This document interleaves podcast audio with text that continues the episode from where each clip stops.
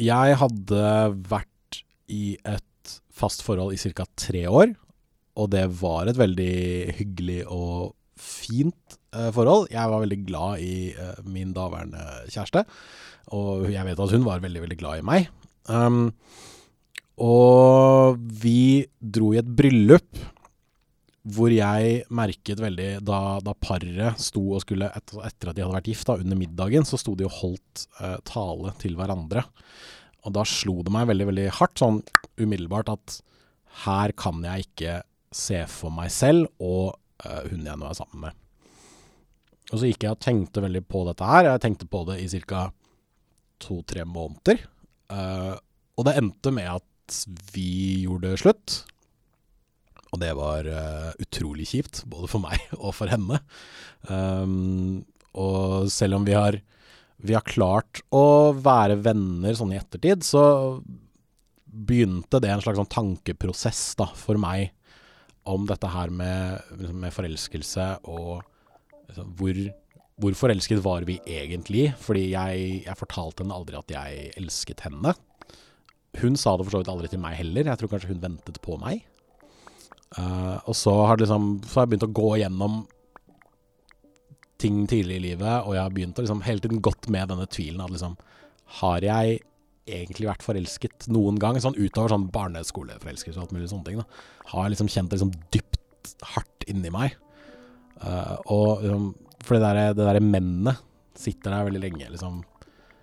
Jeg, altså, jeg må jo ha følt noe for henne siden vi var sammen i tre år, men og der, liksom, der begynner den derre stopperen. For liksom, hvordan, hvordan, vet jeg egentlig om jeg har vært forelsket? Fordi jeg, jeg, føler at jeg er åpen. Jeg føler at jeg er villig til å forelske meg. At jeg har lyst til å treffe noen som jeg bare kan liksom, bare liksom åpne opp alt sammen og si liksom Her, ta alt dette her. Og så, og så bare passer du på det for meg. Og så kan jeg gjøre det samme for deg, og så kan vi ha det kjempefint sammen. Fordi liksom det er i hvert fall sånn Det er det jeg har fått inntrykk av at det skal være, da. Og det jeg ofte også hører fra mennesker, er den der at Ja, men når du vet det, så vet du det bare. Og i Forsvaret så hadde vi en lignende utsagn, og det var Er du i tvil, så er du ikke i tvil. Og det har ført til at jeg tviler veldig på dette med mine egne følelser og forelskelse og den type ting. da. Fordi da sitter jeg og tenker at ja, nei, jeg, jeg liker jo henne, da. Men nå har vi jo data i fire måneder, og jeg Jeg vet ikke om jeg kan si at jeg savner henne. Og da lurer jeg på liksom Er det, noe galt med meg?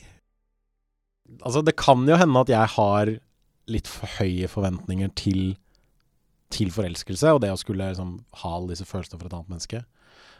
Og da vil jeg gjøre som veldig mange andre gjør, og skylde på populærkulturen. Og kanskje til en viss grad skylde på mennesker rundt meg. Fordi liksom solskinnshistoriene og de sterke følelsene er jo det man får høre mest av.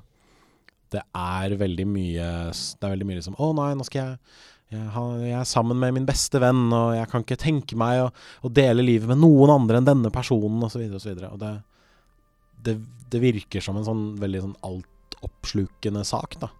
Og da kan det jo hende at jeg faktisk har vært forelsket, men bare ikke lagt merke til det. Fordi det jeg, jeg, tror det er så mye mer enn det det egentlig er. Jeg er definitivt utålmodig, og jeg, liksom, jeg, bare, jeg bare vil at det skal skje. Men kanskje det er det at Da kan det jo selvfølgelig være det at jeg ikke i min utålmodighet ikke gir det nok tid. Jeg prøver å minne meg selv på det at grunnen til at jeg hører solskinnshistoriene, er jo fordi det er de som bobler opp til toppen. Og det er jo dem folk forteller. Det er altså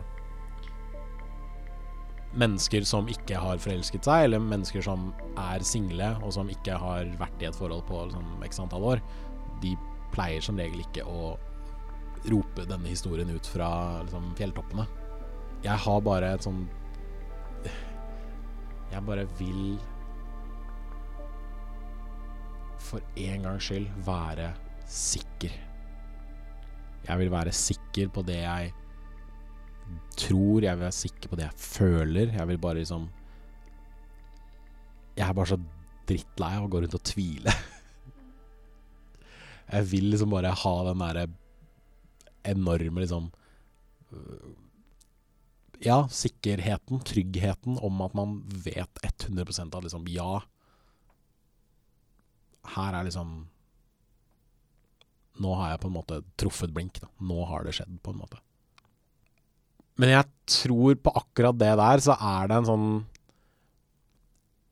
Sånn optimistisk del som liksom bare nekter å gi slipp. Du skal ikke få lov til å liksom stoppe og håpe og tro at liksom en eller annen dag så kommer det til å skje.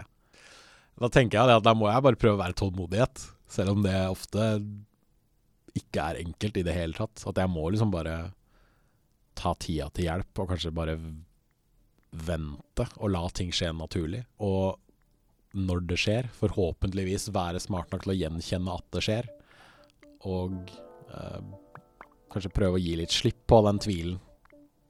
Og hysje ned det derre mennet. Og bare tenke at ja, men dette ordner seg etter hvert.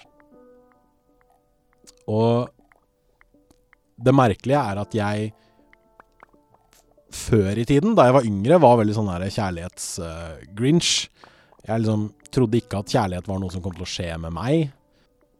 Men jeg merker at jo eldre jeg blir, jo mer og mer har jeg lyst til å forelske meg. Jo mer har jeg lyst til å møte et annet menneske som jeg bare kan gi alt av meg selv til. Fordi jeg